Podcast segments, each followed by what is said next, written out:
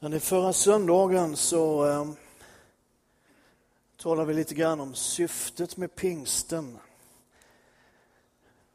Syftet med anduppfyllelsen. Jag talade, på, talade över, höll jag på att säga, en gammal sång av Doobie Brothers, men det gjorde jag inte riktigt. Men jag använde den, den titeln, Taking it to the streets. Att föra ut budskapet om Jesus ut på gator och på torg, överallt där människor finns. Nu ska vi avsluta den här serien om den helige Ande idag. Och det finns naturligtvis väldigt, väldigt mycket som vi inte har rört vid när det gäller den helige Ande. Jag är övertygad om att jag har nog material för en tre, fyra sådana här månadsserier till vi har ju inte talat så särskilt mycket om andens gåvor till exempel. Vi har inte talat så mycket om andens frukt eller att leva ledd av den heliga ande. Vi får återkomma till de ämnena. Nästa söndag så kom, drar vi igång en serie som kommer att ligga över hela sommaren. Från 3 juni, är det det på söndag? Jo det är det. Till den 26 augusti som vi har kallat för förebilder om oväntade hjältar och förvandlade liv. Det låter väl spännande? Vi kommer att tala om, om, olika personligheter som finns i Bibeln. Du vet de här söndagsskolberättelserna som en del av oss som är tillräckligt gamla för det har varit med om och sett på flanellograf. Hur många vet vad en flanellograf är? Eh, alla över 72.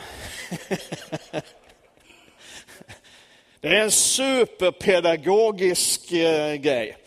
Ja, ja, vi, vi tar till det nu.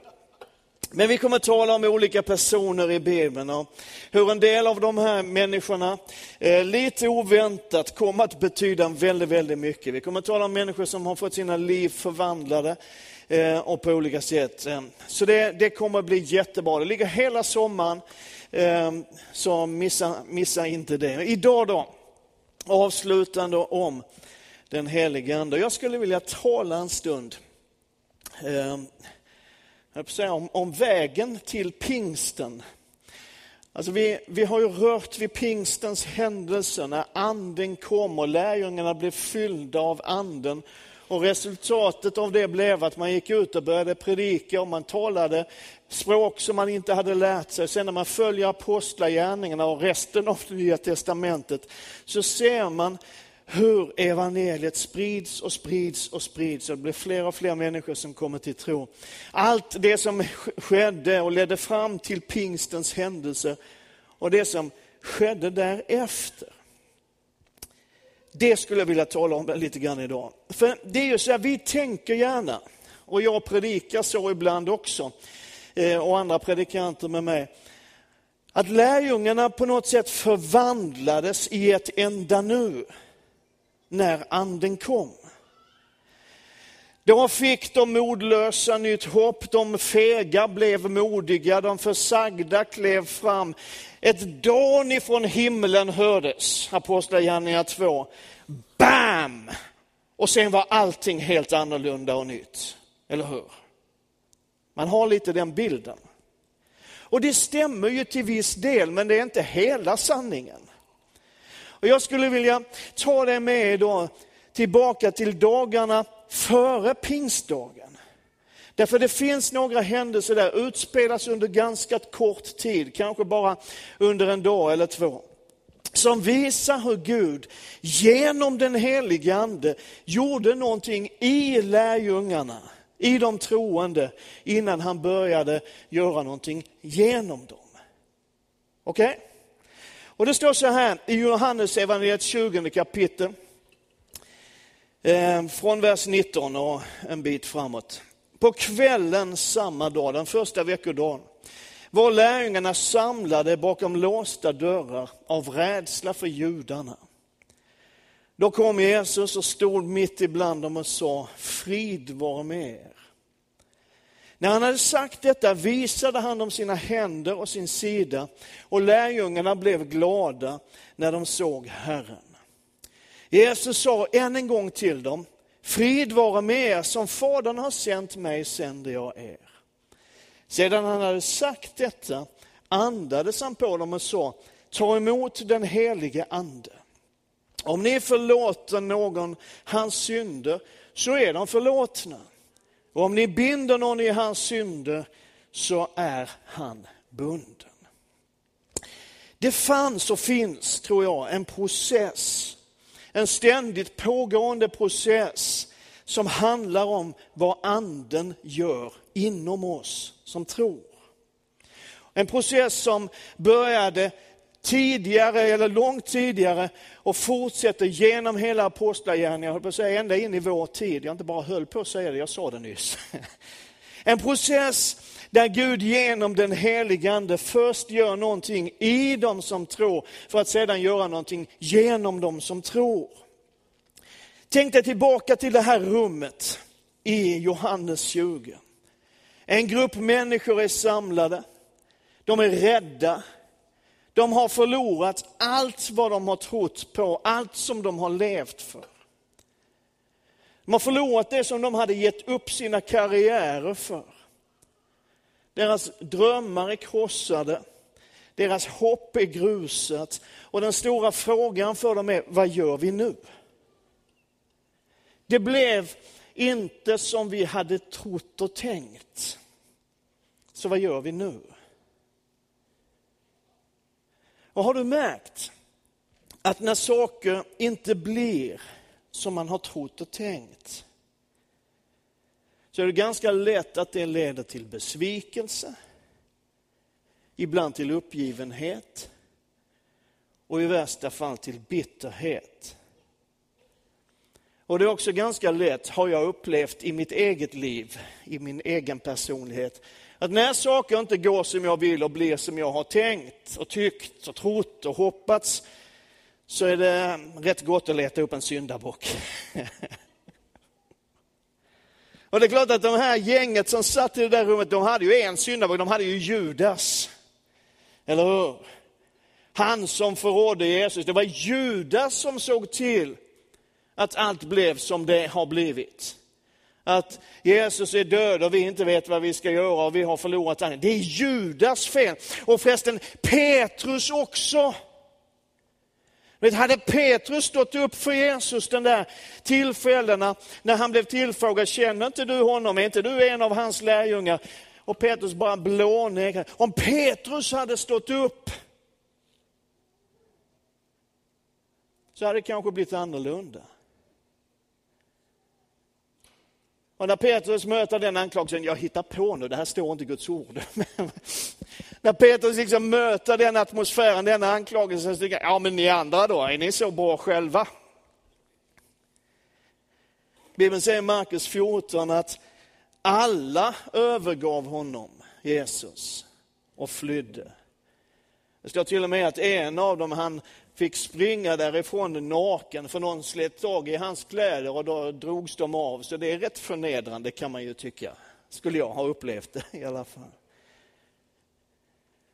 Plötsligt så står Jesus där mitt i det rummet. I förlorarnas rum, i hopplöshetens rum, i de krossade drömmarnas rum.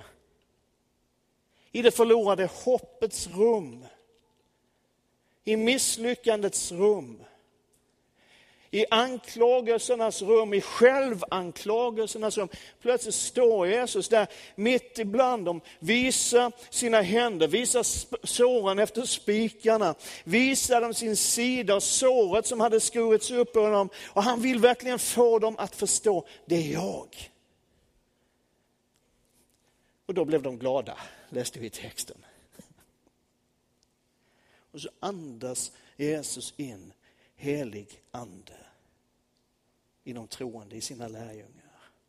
Sedan han sagt detta andades han på dem och sa, ta emot den helige ande. Där och då tar lärjungarna för första gången emot den helige ande på det sättet. Och där och då startar en process, där börjar någonting ske som ska leda vidare in i världens evangelisering som är anledningen till att du och jag sitter här som frälsta troende idag. Och sen händer någonting, tycker jag, lite märkligt. Lade du märke till, vad är det första Jesus talar om när han har andats in helig ande i sina lärjungar? Vi kolla. Om ni förlåter någon hans synder så är de förlåtna. Om ni binder någon i hans synder så är han bunden. Så det första som Jesus talar om när lärjungarna har tagit emot den helige Ande är förlåtelse. Men vi i vår församling, vi är så här evangelistiska och karismatiska. Alltså vår, vår huvuduppdrag och det vi brottas med, det är ju väckelsefrågorna. Hur ska vi förtala ut syndernas förlåtelse till människor som söker frälsning, till människor som är vilsna och förlorade, som letar efter mening i livet, som söker Gud. Det är ju det det handlar om. Men grejen är att det är den allra innersta kretsen. Det är till dem som står Jesus allra närmast som han talar om vikten av att ge förlåtelse.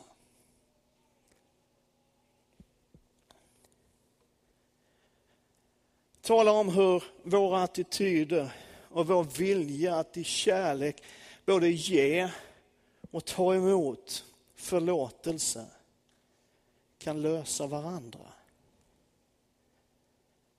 Men också hur motsatsen, att inte ge och ta emot förlåtelse, kan binda oss själva och andra.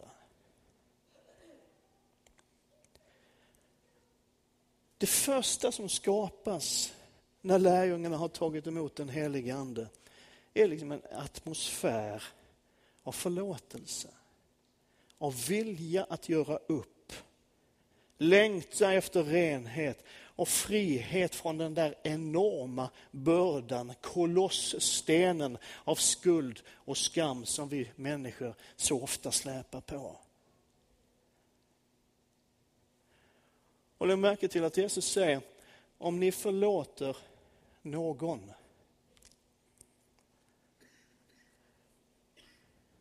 När jag förberedde mig för den här predikan så, så var det som att Gud väldigt tydligt poängterade Tänk på att denna någon faktiskt kan vara du själv. För visst är det så att, att förlåta sig själv är nästan det svåraste av allt. Eller hur? Jag tycker för det mesta i alla fall, det har funnits undantag och det finns undantag, men, men för det mesta, om någon har gjort någonting fel mot mig och ber om förlåtelse, det är inte så jättesvårt att förlåta. Jag tycker inte det, för det allra mesta. Men att förlåta sig själv, när man vet att man har gjort fel, att man har gjort bort sig, att man har gjort det man inte borde göra, sagt det man inte skulle ha sagt, eller låtit bli att säga det man borde ha sagt. Vi har gjort fel både du och jag. Och vi har brister. Och både du och jag har sagt och gjort en hel del saker som vi ångrar. Och lyssna till mig idag. Den helige ande vill föra dig in i en atmosfär, ett tillstånd av förlåtelse. Där du kan förlåta både andra människor och dig själv.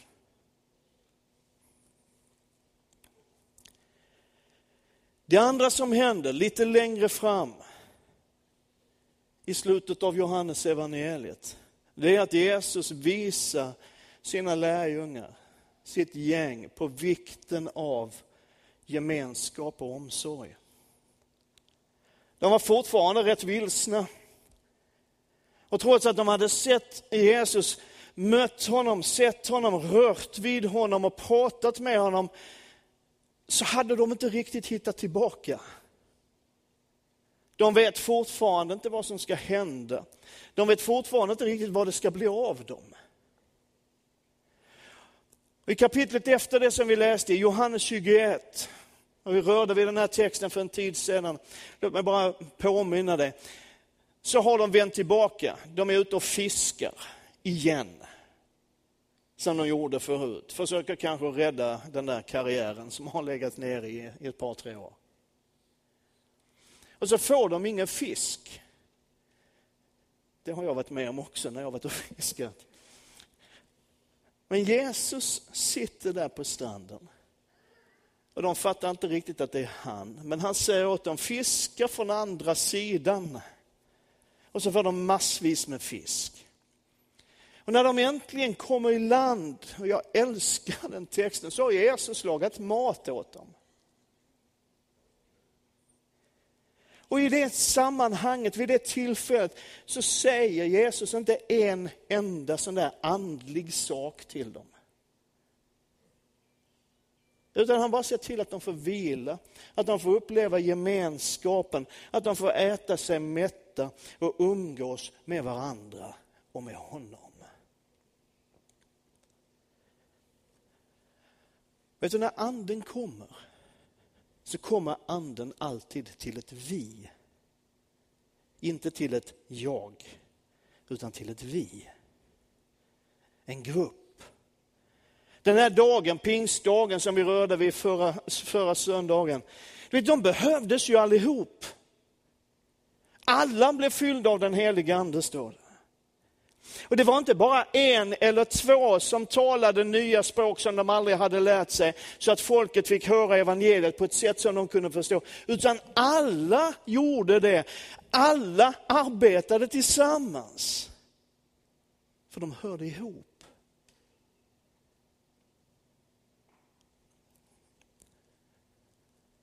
Någonstans i förberedelsen för det som sker i Apostlagärningarna framåt.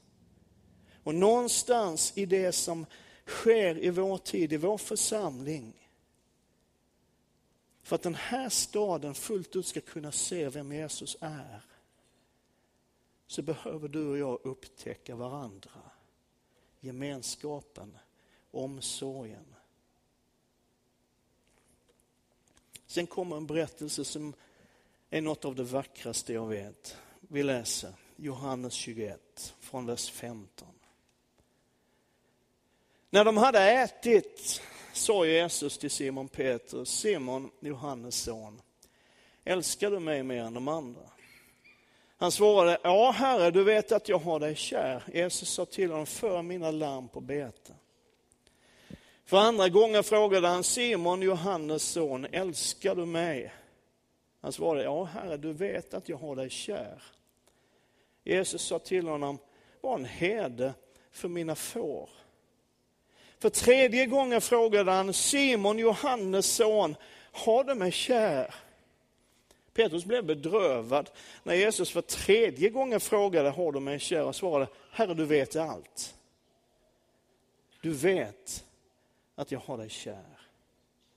Och Jesus sa, för mina får på bete. De har ätit. Och det ser ut som om Jesus och Petrus tar en promenad där längs stranden. Det står lite längre fram i texten att Johannes följde efter. För kolla vad händer nu. Petrus var kanske den av lärjungarna som hade den största och starkaste känslan av misslyckande. Han hade förnekat Jesus, inte på något sätt egentligen så hade han levt upp till sin höga bekännelse och sina stora ord. Men Jesus visar honom att det är en enda sak som är väsentlig. Älskar du mig? Och det är som om Jesus säger till honom att jag förstår att du inte vet vad du ska tro just nu. Du tror knappt på mig. Du tror definitivt inte på dig själv längre. Men jag tror på dig, Petrus. Det är som om Jesus vill säga till honom, Petrus, om du älskar mig så finns uppdraget kvar. Och om du älskar mig så finns förtroendet kvar. Petrus, du kan bli allt det som var tänkt. en herde för mina får, en ledare i min församling. Bara du älskar mig. Och det där fortsätter och expanderar. Det gäller alla, det gäller inte bara Petrus. Vet du, strax innan Jesus lämnar lärjungarna så förnyas deras uppdrag. Så upprättas förtroendet för dem allihop. När Jesus säger till allihop, gå nu ut och predika. Gå ut och berätta. Gå ut och gör det jag har gjort. Jag tror på er och jag är med er. Jag tror att upprättelsen, det förnyade förtroendet, det är någonstans den ultimata upplevelsen av Guds nåd.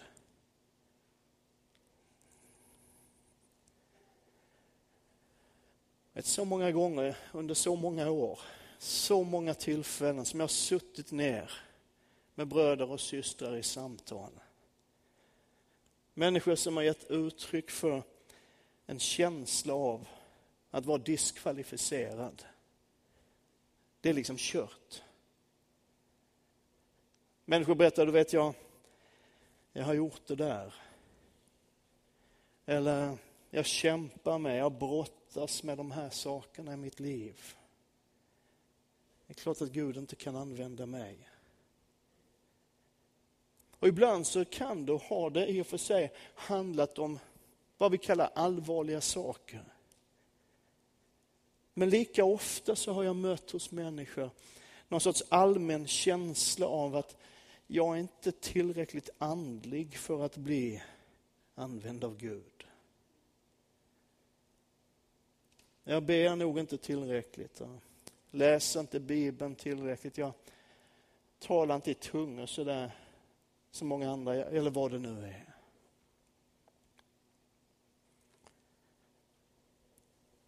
Det finns en enda sak som betyder någonting en enda sak som Jesus frågar efter. Älskar du mig? Totala upprättelsen och den totala friheten.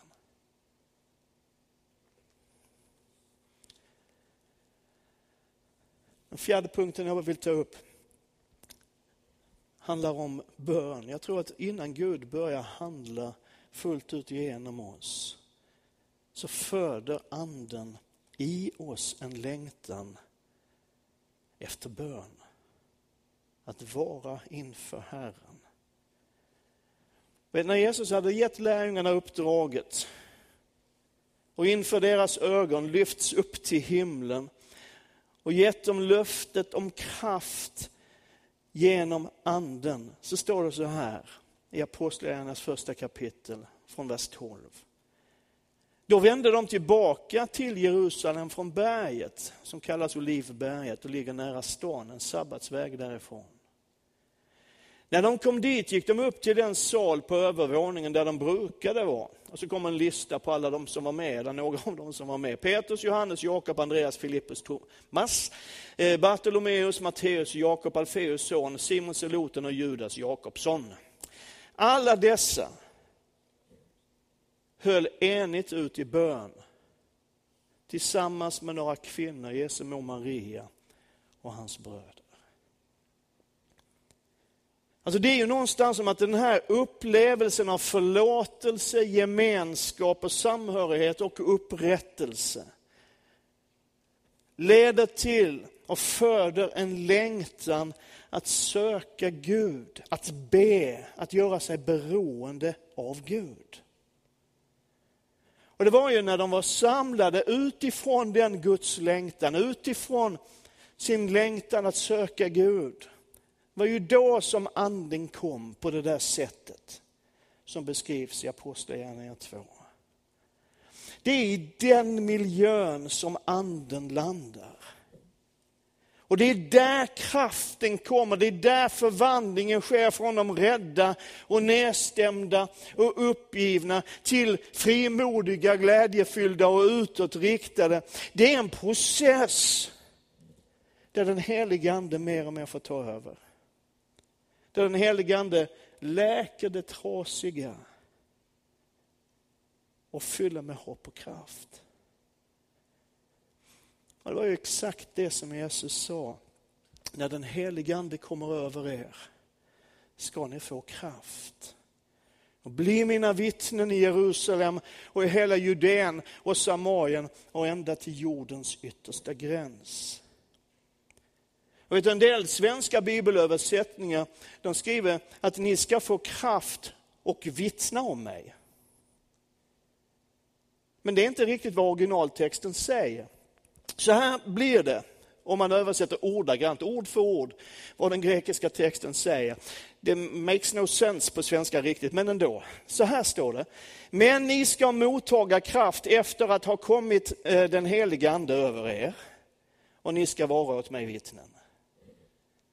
Vad är poängen med det här? Jo, poängen är att den helige ande får oss inte bara att vittna, att tala och berätta om Jesus, utan den helige ande gör oss till vittnen, till vittnesbörd.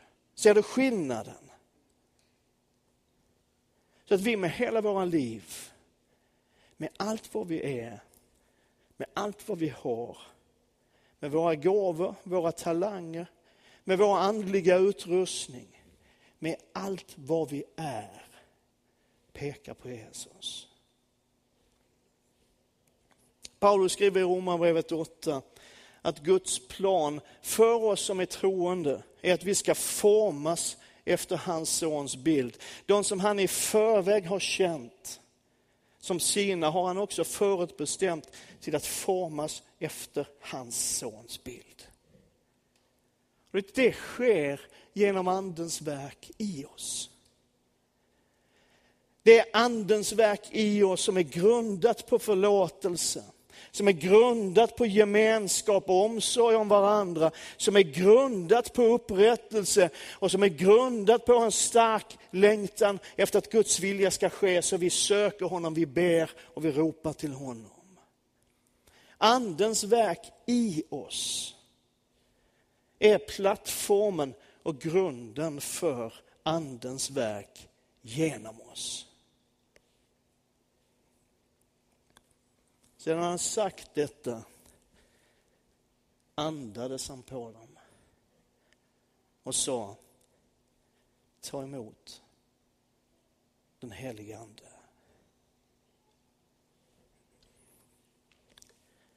Och vi ska be för dig, om du vill förstås, idag. Ska vi stå upp tillsammans? Kan vi göra det? Stefan, varsågod. Be för dig och med dig om du vill. Det är helt frivilligt. Be för dig att du får kraft att både ge och ta emot förlåtelse. Att förlåta dig själv och förlåta andra. Jag ska be för dig att du får hitta din plats i gemenskapen. Att du får uppleva omsorgen och värmen och tillhörigheten. Vi ska be för dig om upprättelse. Att du får komma ur känslan av att vara diskvalificerad, att inte duga, att inte räcka till. Och vi ska be för dig, om du vill, att den helige Ande får väcka en stark längtan. Att söka Gud i bön, att bli en bedjare som drar ner himlen på jorden. Vi ska be tillsammans. Och ofta så har vi vår böneplats där borta, några förebedjare. Men jag skulle, även om vi gjorde så förra söndagen, vill göra det igen. Om du vill att vi ska be för dig. Om förlåtelse, gemenskap, upprättelse, en bönens ande över ditt liv. Så medan vi sjunger lovsånger inför Herren, så bara kom och ställ det här framme. Jag får be att ni som är församlingsledare är med och ber för de som kommer. För jag tror, av hela mitt hjärta tror jag att Gud kommer att göra mycket bland oss den här söndagen. Så välkommen i Jesu namn. Gud välsigne dig.